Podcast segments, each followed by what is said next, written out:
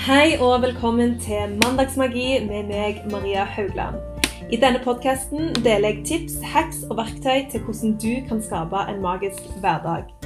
Om du vil ha mer inspirasjon fra meg, følg meg på Instagram at mariahaugland.no, eller besøk min hjemmeside mariahaugland.no for nettbutikk og blogg.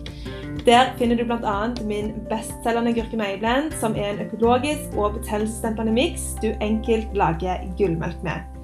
Men nå, nå kjører vi i gang med dagens episode av Mandagsmagi.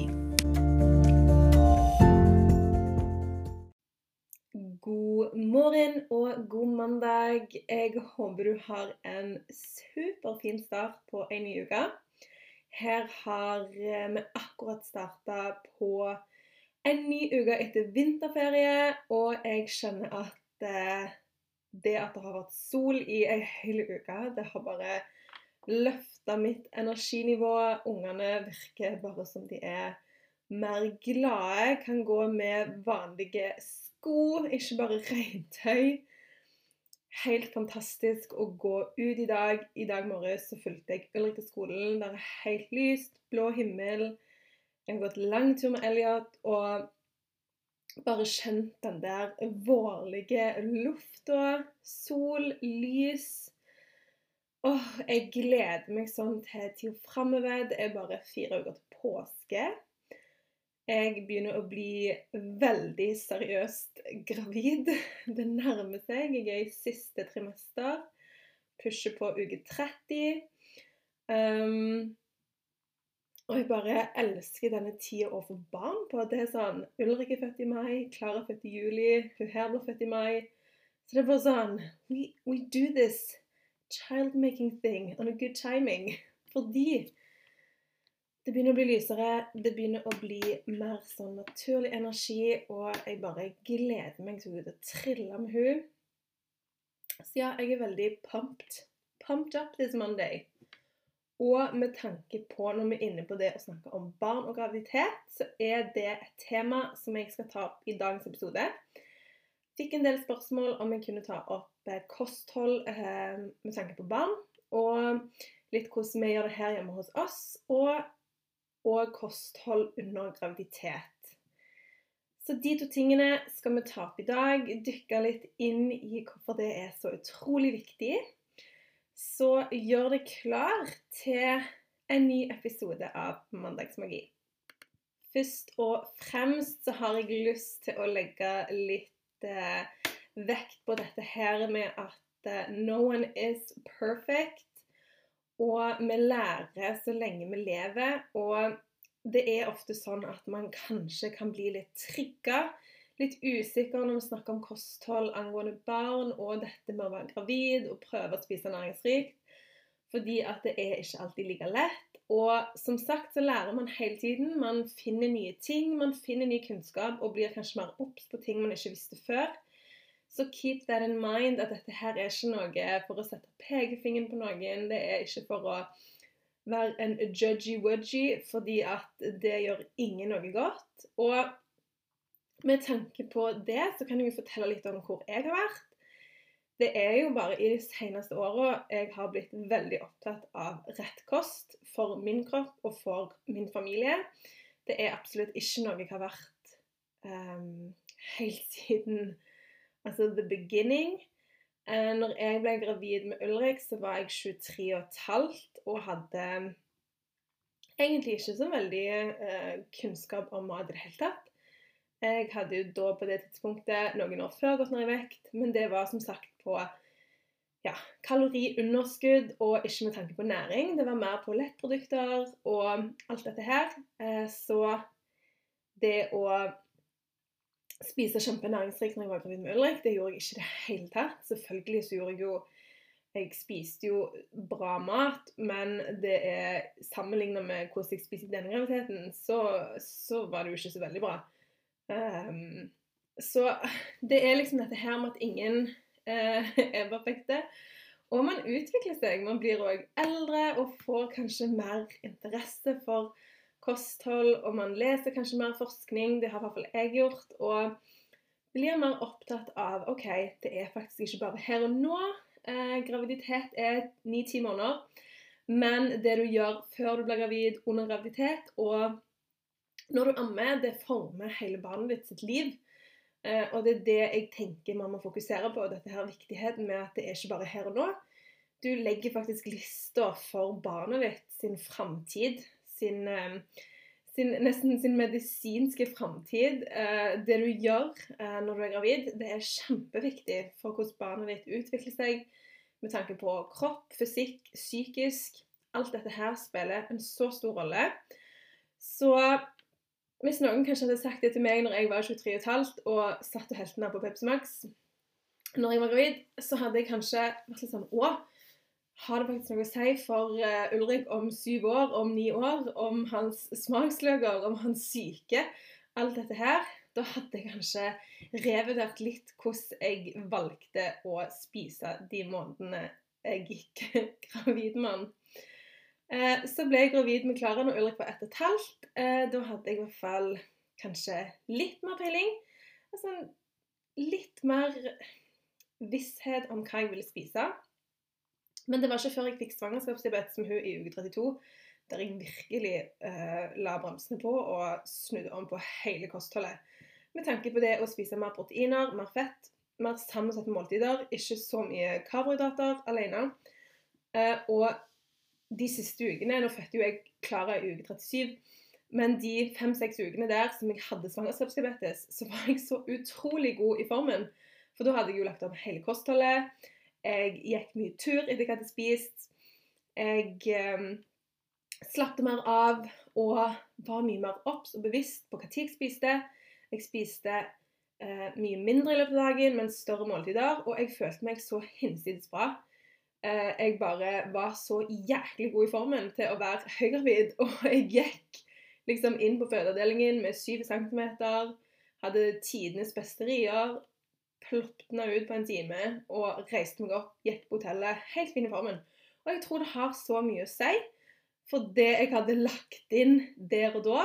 Så det er òg en sånn huskeregel. OK, kanskje du var jæklig kvalmen i 20 uker, 25 uker og bare Shit, jeg måtte bare spise det kroppen klarte å holde på. OK, helt greit.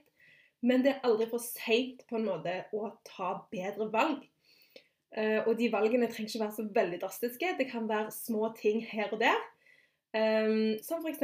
det å bare starte dagen med en jæklig bra frokost. Det er jo my mantra. Det er et godt frokostmåltid. Det setter standarden for hele dagen. Det gjør at du får mindre søtsug. Det gjør at du kan klare deg mer timer uh, om dagen der du faktisk klarer å gå uten mat. Før så har vi fått veldig sånn å, vi må spise hver tredje time for å holde blodsukkerbalanse. Det er egentlig ganske lurt å heller spise store måltider eh, mindre ganger til dagen, og ikke rundt og småspise hele tiden. For da får faktisk blodsukkeret ditt tid til å regulere seg sjøl og få den der fine kurven, istedenfor at du hele tiden craver et mellommåltid. Så går det litt opp, så går det ned, og så craver du noe annet, så går det opp, så går det ned. Um, så det å bare starte dagen med en fantastisk god frokost kan være natt og dag for eh, helsa. Sjøl så elsker jeg jo å starte dagen med fett og protein. Eh, selvfølgelig òg karbohydrater, men jeg fokuserer på langsomme karbohydrater, spesielt om morgenen. Eh, jeg spiser mye bær, som er karbohydrat. Det er bare en langsom type karbohydrat som tas senere opp i blodet, som gjør at du får en veldig god og fin og langsom blodsukkerstigning. Eh, grønnsaker akkurat det samme. Så karbohydrater er ikke bare brød og pasta og ris. karbohydrater er veldig, veldig mye annet enn det. Så keep that in mind. At det finnes karbohydrater i veldig veldig mye, og det er stor forskjell på hva de gjør for kroppen din. Og når jeg på en måte legger litt fram hvordan jeg spiser, fordi at jeg har fokus på blodsukker, så er jo det selvfølgelig òg fordi at jeg har en diabetes jeg kontrollerer. Men allikevel så tror jeg ikke folk flest tenker at blodsukker det, det omhandler absolutt alle, ikke bare folk med diabetes. Det er kjempeviktig, og spesielt når du er gravid, så er det viktig å ha et uh, veldig godt regulert blodsukker. Og det er jo fordi at eh, kroppen din krever utrolig mye når du er gravid. Og alt det babyen trenger, det tar babyen. Og så er det mammaen som det går utover hvis du har eventuelle mangler og ikke får i deg nok. Uh, så dette med blodsukker det er ekstremt, ekstremt viktig når du er Spesielt når du er gravid. Uh, og da blir jo bare mer og mer diagnosert med svangerskapsdiabetes. Og det er jo fordi at vi spiser for mye raske karbohydrater. Vi spiser for ofte. Og kroppen får liksom aldri tid til å hente seg inn. Eh, så dette å fokusere på eh, næringsrik mat når du er gravid, det er kjempe, kjempeviktig. Ikke bare for din helse, men òg for babyen, og for fødsel, og for tiden etterpå. Um, jeg selvfølgelig hadde en mye lettere tid etter jeg fødte Klara, fordi at det er jo nummer to. Eh, når jeg hadde født Ulrik, så hadde jeg vondt i rumpa mi i sikkert tre måneder. Og det er jo òg fordi at du er førstegangsfødende, og det er helt nytt, og kroppen har aldri gjort det før. Så selvfølgelig så er det forskjell i det òg, men jeg er helt sikker på at hvordan jeg òg valgte å tweake på kostholdet, trene mye mer når jeg hadde klar i magen, det tror jeg òg hadde et veldig um, viktig utfall for fødselen og tida etterpå. Uh, denne graviditeten her er jo min beste graviditet så langt. Uh, og det er jo sånn folk har typ sagt. Ja, nummer tre, da er du sliten, du er mye eldre. Og jeg er jo syv år eldre uh, nå enn det jeg var da jeg ble gravid med Ulrik. Men jeg føler meg jo 100 ganger mer energisk enn det jeg gjorde da. Så det å tenke at, Ikke ta det til deg hvis det er noe du hører. At, uh, at en graviditet skal være slitsom, og du skal være trøtt og sliten og ikke ha det greit. Bare velg å skru det av, fordi det er, trenger ikke å være sant. Det handler ofte òg om hva du gjør det til sjøl. Selv. Selvfølgelig så er det ting som kan spille inn. Jeg var kjempedårlig i eh, de første ukene, de tolv første ukene, så, eh, så, var jeg ikke så veldig god i formen. Eh, så det går selvfølgelig opp og ned, særlig i begynnelsen. Men det at det skal være sånn at, at man skal være dårlig når man er gravid, og at det bare blir verre desto eldre du blir, det, det trenger ikke å være sant. Det spørs hvordan du er i din egen kropp. Og jeg ser folk som er mye eldre enn meg òg, som har fantastisk gode graviditeter. Eh, så det er absolutt ikke en sannhet. Eh, og det jo ofte, har jo ofte sammenheng med mor og hva hun velger å gjøre når hun er gravid. Eh, jeg har vært helt hinsides god på kosthold denne graviditeten. Det er selvfølgelig for at jeg har et blodsukker som jeg virkelig må kontrollere helt sjøl. Min motivasjon er jo at har du et for høyt blodsukker i graviditeten, så kan det skape mye krøll for babyen. Både under fødsel Babyer kan bli veldig store hvis mor har høyt blodsukker. Um, jeg er ikke interessert i å føde ut a huge baby. Så det er motivasjon. Og og dette med videre helse. Barn som blir født av mødre med svangerskapsdiabetes, har en mye større sjanse for å få diabetes type 2 sjøl senere i livet. De har mye større sjanse for å bli overvektige, ha atferdsproblemer og sånne ting. Så det å, å tenke litt utover oh, I crave this and this and this, og se på graviditeten som en tid til å bare putte i trynet alt du craver, det er Prøv å heller tenke litt langsiktig, og tenke hva er det faktisk barnet mitt trenger, både i magen og i livet etterpå. Eh, for det er du som legger lista for dette. Det er Sånn er det bare. Det er du som legger lister for hvordan ditt barn eh, Hva utgangspunktet barnet vil ha seinere og ta med seg videre i livet. Og det er veldig, veldig viktig. Så det jeg liker å tenke, det er blodsukkervennlig mat. Eh, jeg syns det er kjempeviktig uansett hvor i livet du er. Eh, spesielt for eh, oss kvinner i fertil alder. Barn, gravid eller ei så er det viktig å tenke gode næringskilder. Man kan tenke at man skal ha sammensatte måltider. Jeg er veldig opptatt av proteiner, fett, fiber, grønt, langsomme karbohydrater som ikke spiker blodsukkeret, men som gjør at du har en stabil, god energi. Selvfølgelig er det rom for kos. Eh, jeg er veldig fan av hvis du først skal ha deg et kakestykke og sånne ting, spis det i sammenheng med f.eks. et måltid. Eh, søtsaker vil alltid, alltid, alltid ha en langsommere effekt på blodsukkeret hvis du spiser det i sammenheng med f.eks. et balansert måltid først. Eh, elsker å spise fiber før jeg begynner på noe søtt. Så dette er ikke for å liksom utelukke alt av eh, gode ting. Eh, personlig så elsker jeg is. Det er kjempegodt, spesielt når du er gravid. Åh, det er så kaldt og kald og god vaniljeis. Men bare ha litt i bakhodet. Hva kan jeg på en måte gjøre før dette? Hva kan jeg gjøre etterpå? Kan jeg gå en uh, liten tur etterpå? Kan jeg kanskje spise middag først? Så har du på en måte lagt litt opp til at blodsukkeret ditt takler det på en mye bedre måte. Og gjør at du òg slipper disse kurvene hele tiden, som gjør at du blir irritabel um, og hangry, som jeg liker å si. Uh, jeg er helt Altså, de dagene der min kurve går veldig opp og ned Jeg hater sånn det verste. Det er det verste med alt. Eh, da kan jeg typ sette meg ned og grine og bare sånn Jeg orker ikke det. det. Det er så psykisk forferdelig når det går så mye opp og ned i humør. Eh, Lasse er sånn Han kan si Lasse kjenner meg så godt at han kan si typ hva blodstokker jeg har. Jeg er en person som aldri banner, f.eks. Men hvis jeg begynner å banne og blir sånn Fy faen, nå er jeg irritert. Da, da sier jeg litt sånn Nå vedder jeg på at du har sånn 3,5 i blodsukker. Så måler jeg så typ sånn 3,4 eller 3,6. Så det òg å bare holde kroppen din i sjakk, det gjør så utrolig mye for energien og for humøret. Eh, så ha det i bakhodet hvis du er gravid, eller hvis du har lyst til å bli gravid. Eh, tenk gode sammensatte måltider. Man trenger ikke å småsnackse hele dagen. Eh, det er litt sånn myter, føler jeg òg, og veldig masse med dette graviditetsgreiene. Jeg satt nettopp og krangla med jordmor jeg var sist uke. Fordi at jeg har noen litt annen take på ting enn kanskje dette gamle, tradisjonelle regimet som veldig mange sånn eldre jordmødre som jobbet i kommunen i 40 år, kommer med.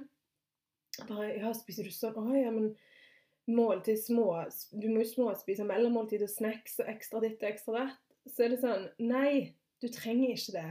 Du må faktisk ikke det. Uh, og tenk at disse veldig gamle, utgåtte rådene Sett deg heller inn i det og les litt om det. Er det faktisk sånn at du må ha en snacks her og der og ekstra ditt her og der?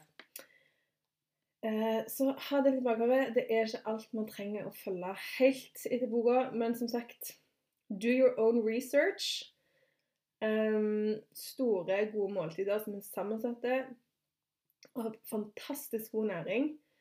Uh, det vil jeg i hvert fall tørre på å stå og danke ut en hel dag med en riskake her, en proteinbar der, og en kjeks der, og en halv skive der, og et eple her og et eple der så er det jo dette her Når eh, barnet ditt først har kommet ut, hva gir vi de da? Eh, igjen, jeg har ikke vært et prakteksempel på dette i det hele tatt. Eh, men har blitt veldig obs på det de siste årene og er nå ekstremt eh, glad for det jeg vet, sånn at jeg kan gi Ulrik og Klara de beste forutsetningene, i hvert fall fra mitt hjem. Uh, og er veldig glad i å se hva rett kosthold òg gjør for de som hører. Jeg føler liksom nesten at vi glemmer litt dette med barn og kosthold, og hva det gjør for deres uh, humør og deres reaksjonsmønster. Jeg bare tenker selv hvordan voksne kan bli av et ustabilt blodsukker, så tror jeg faktisk at blodsukkerbalanse er enda mer viktig for barn. Uh, jeg har jo jobbet som lærer sjøl og sett veldig ofte litt sånn godt over matpakker og sånne ting, og tenkt at eh, noe er veldig bra, og noe er òg veldig dårlig med tanke på at man skal sitte lenge i ro på skolen, man skal ha konsentrasjon, man skal eh, leke i friminuttene uten å skjønne at man skal denge noen i hodet med en stein fordi at du er helt ute av det, sånn rent, kropp, eh, rent kroppslig. Så dette med barn og kosthold er kjempeviktig. Det er noe jeg bare brenner for. Uten at jeg tror at jeg er veldig, veldig konservativ i det hele tatt. Det er jeg nok ikke i forhold til veldig mange på sosiale medier som er kanskje litt sånn enten-eller. Så jeg er nok ikke helt der. Men jeg har en sånn veldig god formening om hva eh, kosthold og balanse for et barn vil si. Eh, jeg ja, jeg lager mat til de akkurat som jeg nesten lager mat til meg sjøl. Med den samme fokuset på proteiner, fett, fiber og grønnsaker. Eh, og langsomme karbohydrater. Og selvfølgelig så er det lettere sagt enn gjort når det kommer til barn. I hvert fall hvis du ikke har gjort dette fra dag én. Det har jo ikke jeg gjort. Eh, jeg har gjort mye tradisjonelt med kjøpegrøt, eh, skjeva og mye trykkeyoghurter og trykkeposer. Det har mine fått veldig mye av, spesielt Ulrik. Og han har jo hatt en helt forferdelig tarm fra dag én. Som jeg er òg sikker på har med neslegrøt og trykkeyoghurter og skjeva i store mengder å gjøre. Fra han har hatt en altfor liten tarm til å takle dette. Eh, så han har jo vært og testa for cøliaki og masse greier. Um, de har jo endt med at de nesten tror han har uh, irritabel tarm. Så jeg er jo veldig påpasselig med hva han får uh, å spise, spesielt med tanke på gluten. Mye gluten irriterer han. Surdeigsbrød ikke så mye. Uh, økologisk bakst ikke mye. Så det er veldig sånn tweaker litt på det. Eh, Klara litt bedre på kosten da enn Ulrik, men allikevel veldig mye prosessert, ferdigkjøpt. Middagsglass, lette løsninger. Og når du har begynt der, så kan det være litt vanskelig å på en måte trekke det tilbake og skal liksom skape disse smaksløkene på ordentlig mat eh, som de ikke har vært vant til.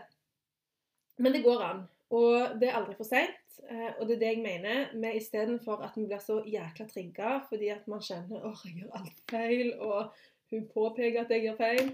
Så tenk heller OK, det kan jeg ta til meg. Hva kan jeg gjøre bedre? Uh, og jeg òg har kjent liksom at shit, jeg var trigga. Hvorfor kan jeg ikke få sånn eller sånn eller sånn? Hvorfor gjør jeg feil? Men istedenfor å på en måte tolke det på den måten, så har jeg tenkt OK, hva kan jeg gjøre som er best for mitt barn? Og er det noe sannhet i hva den og den sier? Hvis ja, hva kan jeg gjøre bedre? Istedenfor å bli fornærma og trigga av disse tingene.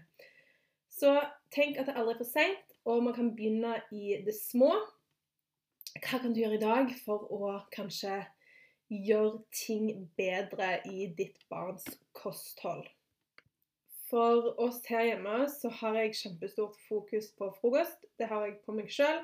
Og det har jeg òg på Ulrik Klara. Jeg er veldig opptatt av at de skal spise en god frokost hjemme før de går i barnehagen og på skolen. Jeg vet at Ulrik spiser lunsj igjen klokka 11. Så den maten han får eh, halv åtte, den skal vare til klokka 11.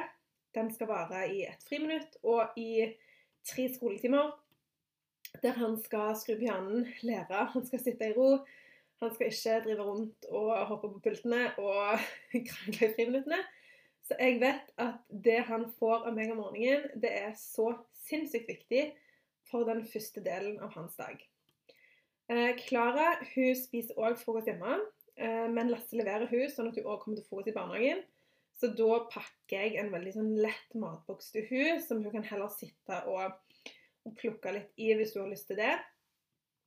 Klara har òg en helt annen eh, interesse for mat enn hva Ulrik har. Klara elsker å lage mat med meg.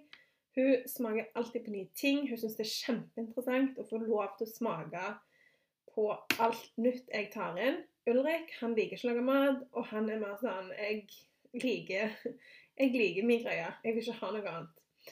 Eh, så selvfølgelig så er det jo lettere òg hvis du har et barn som er litt som Klara, som bare Give me anything, I will eat it. Så i hennes matboks i dag så ligger det en halv avokado.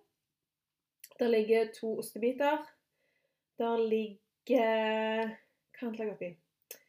Eh, jo, eh, disse, en havrekjeks som jeg kjøper på en økologisk butikk som kun har eh, økologisk og olivenolje, havre, mel og salt og en ting til. Veldig rent.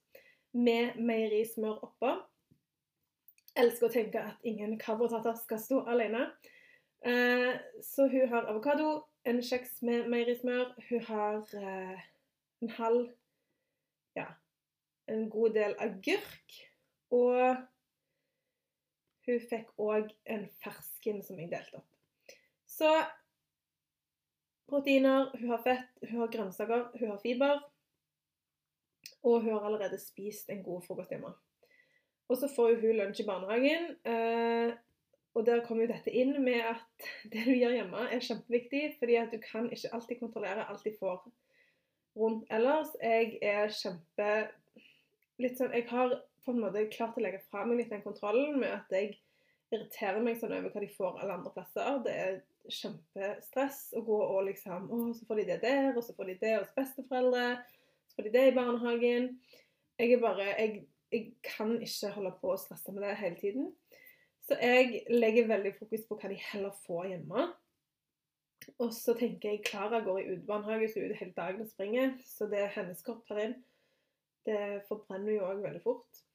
Eh, og får brukt energien sin ute. Eh, med Ulrik så får jo han uh, mat både til skolen og til SFO. Og det er jo veldig kjekt, for da kan jeg legge oppi matboksen det han skal ha hele dagen.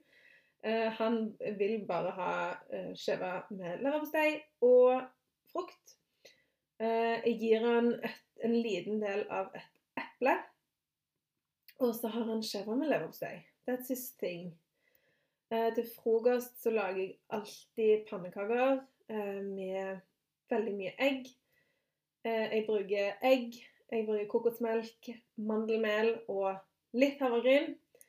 Og en liten bit banan. Så får de det eh, de varmer med smør på.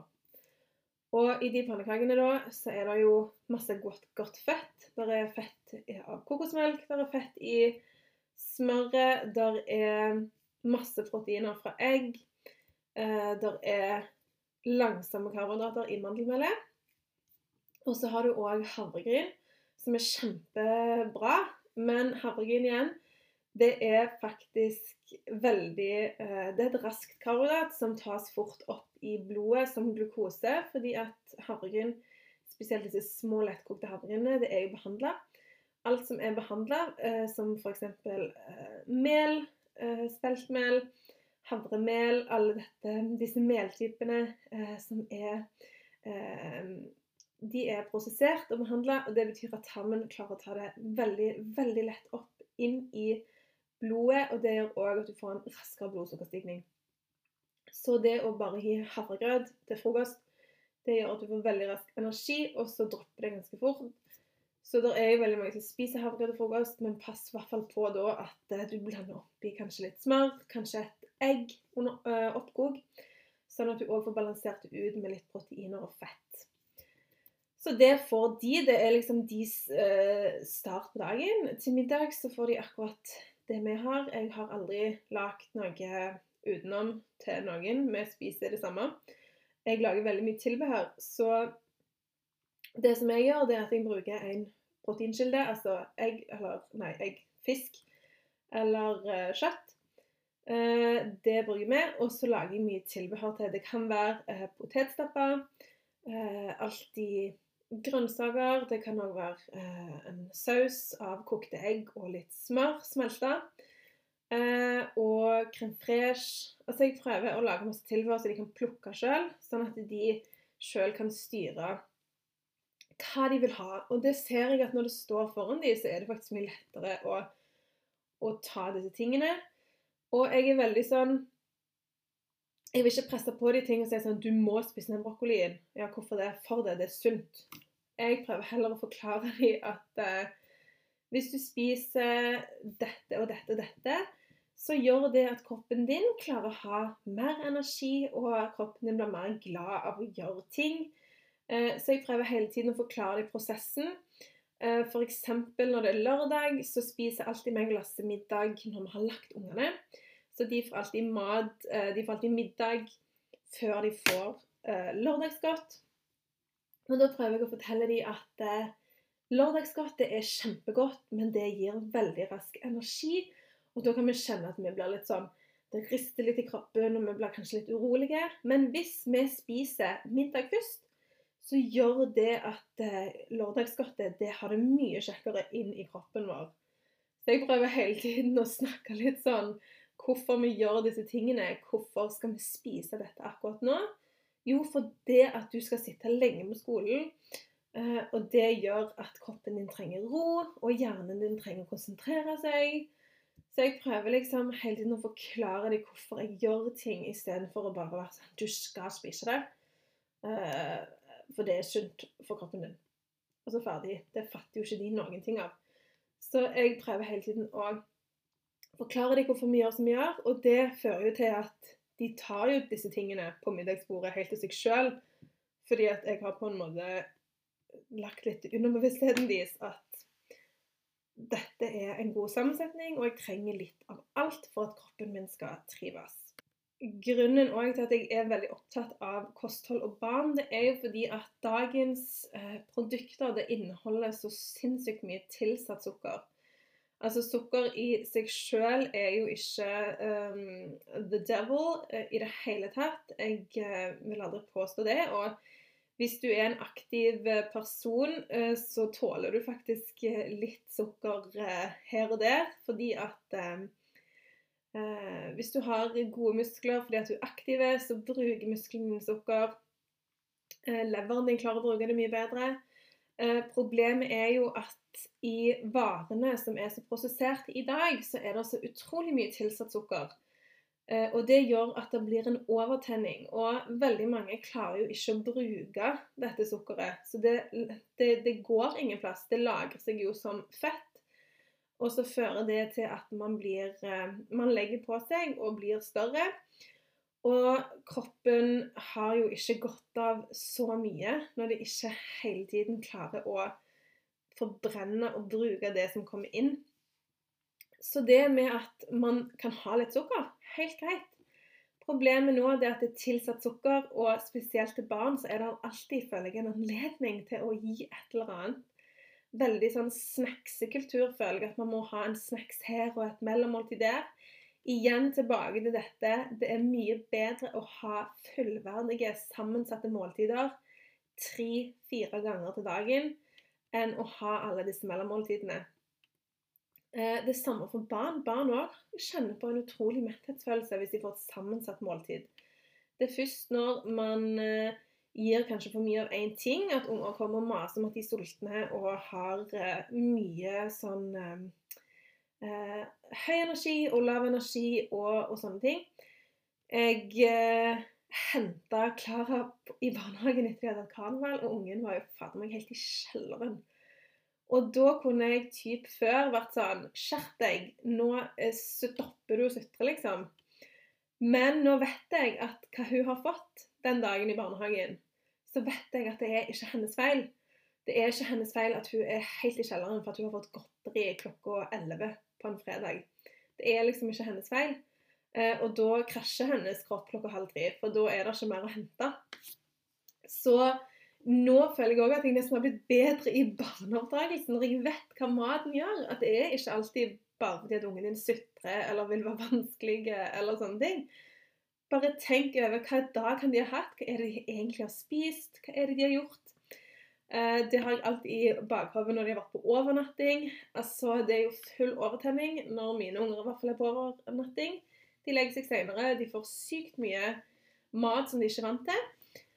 Og da istedenfor å være sånn åh, hva er det med deg, du er alltid sånn når på overnatting, så prøver jeg å tenke OK, stakkars lille kropp, du har jo bare fått way too much. Og så prøver jeg heller å tenke på måter jeg kan gjøre for å balansere det litt ut. Hva kan jeg gi til neste måltid? I hvert fall ikke noe som inneholder raske karbohydrater, som får deg rett opp igjen, men her må vi balansere det ut. Kanskje legge oss litt tidligere eh, og ta det med ro resten av dagen og sånne ting. Så jeg føler liksom at kosthold det har så sykt mye å si. Og i hvert fall da når vi tenker at veldig mange varer har tilsatt sukker. Hvis man tenker yoghurt eh, som i altså i og for seg inneholder jo sukker fordi at yoghurt er jo lagd av melk, og melk inneholder laktose. Laktose er jo melkesukker. Så en eh, yoghurt, eh, en gresk yoghurt eller en Røros naturell eller en Tine naturell har et naturlig innhold av sukker uansett pga. laktose. Problemet er jo òg disse yoghurtene eh, som du kjøper med smak, de er òg tilsatt ekstra sukker. sant? Fordi at de har sitt sukker fra laktose, som er naturlig, og så har de blitt tilsatt ekstra sukker for uh, smak.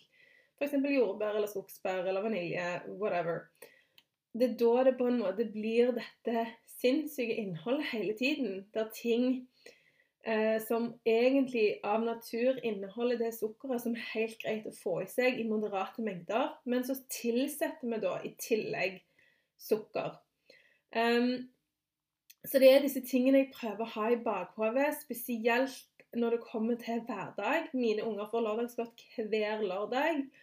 Eh, det er ikke sånn at jeg nekter dem det. De får velge sjøl eh, i moderate mengder hva de vil ha. Eh, så det handler ikke om det. Men jeg er jo litt sånn back to basics. Jeg er ikke vant til å få lørdagsgodt annenhver dag når jeg har vokst opp. Jeg fikk ti kroner hver lørdag. Fikk gå på butikken sjøl, der vi bodde. Fikk også kjøpe meg lørdagsgodt. Um, og gleder meg til det hver lørdag. Jeg husker òg at min familie med, altså Mamma lagde pizza hver lørdag, og så delte vi en brus og en melkesjokolade. Og vi var liksom fem stykker i familien. Så det er et eller annet med disse moderne tidene at det, har blitt så overflod. Man skal ha så mye, man skal feire så mye med mat. Mat er jo følelser, og det er gøy, og man føler seg sånn snill hvis man gir unger en is. Det er sånn tegn på kjærlighet, men det er misforstått kjærlighet. Og det er veldig sånn klassisk eh, tanter og besteforeldre og onkler og, som vil på en måte være så snille, og så tenker de kanskje ikke helt over hva de gjør. Men det å heller gjøre ungene våre vant til at vi kan feire ting og ha det kjekt uten at man hele tiden må få noe, det tror jeg er en lur ting å gjøre. Og man sparer da ungene våre for veldig, veldig mye. Eh, bare tenk sjøl. Jeg så en gang på um, altså en kronesis. Én kronis for en eh, treåring er akkurat som jeg skulle spist fem kronis på rappen i forhold til sukkerinnhold og kroppsvekt. Og da tenkte jeg sånn Shit, hva skjer hvis jeg spiser en fem kronis på rappen? Jeg hadde jo tilta. Eh, disse kjøpebollene i butikken som man bare legger i hånda på en toåring, det er sånn Det er kjempegodt her og nå. Men det vil få ringvirkninger på hele dagen, og humøret så ender vi kanskje opp med å kjefte på ungene våre fordi de er så sutrete og sure. Og så er det egentlig vår egen feil fordi at vi har bare trødd litt feil i kostholdet. Og når det er sagt, så er jeg selvfølgelig også kjempeopptatt av at alle eh, barnehager og skoler må bli bedre. Men så er det dette her det er ikke så lett å kontrollere alltid hva de får ut av hjemmet. Det er ikke så lett.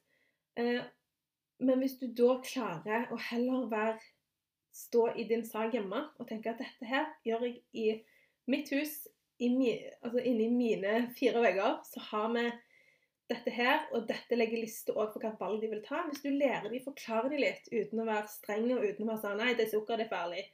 Altså, ikke vær der, men forklar ungene dine hva er det denne maten gjør, og hva er det denne maten ikke gjør. Hvorfor kan vi ikke spise dette her hver dag? Ikke vær redd for å si disse tingene, men heller forklar ungene hvorfor du velger som du velger, og vær bevisst på heller forklare dem og gi dem en god forklaring, sånn at de ikke får sånn type dette her med at å, hvis du ikke har fått mye sukker hjemme, så blir du 15 år, tjener jeg penger og går på Prix og bare bader i sukker. Det er jo sånn klassisk.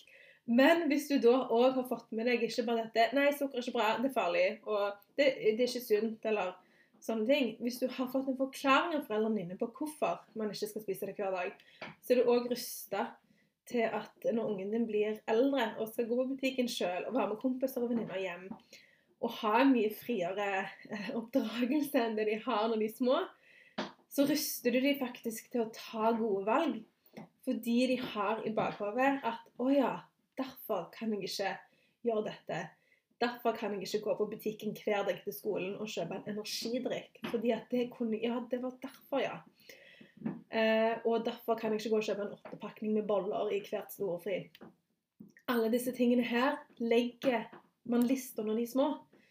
Eh, så det kommer tilbake igjen til dette. Det er aldri for seint å snu litt om, selv om du har starta sånn som jeg. Helt ubevisst på hva mat gjør Eh, og tenkt og stolt på all markedsføring. Jeg har stolt på at eh, den grøten er grei for alle mager. Jeg har stolt på at skjeva is the way to go. Vi er jo en jækla brødnasjon der folk aldri får nok av skjeva. Folk spiser jo skjeva tre ganger dagen. Det er jo ikke bra i det hele tatt.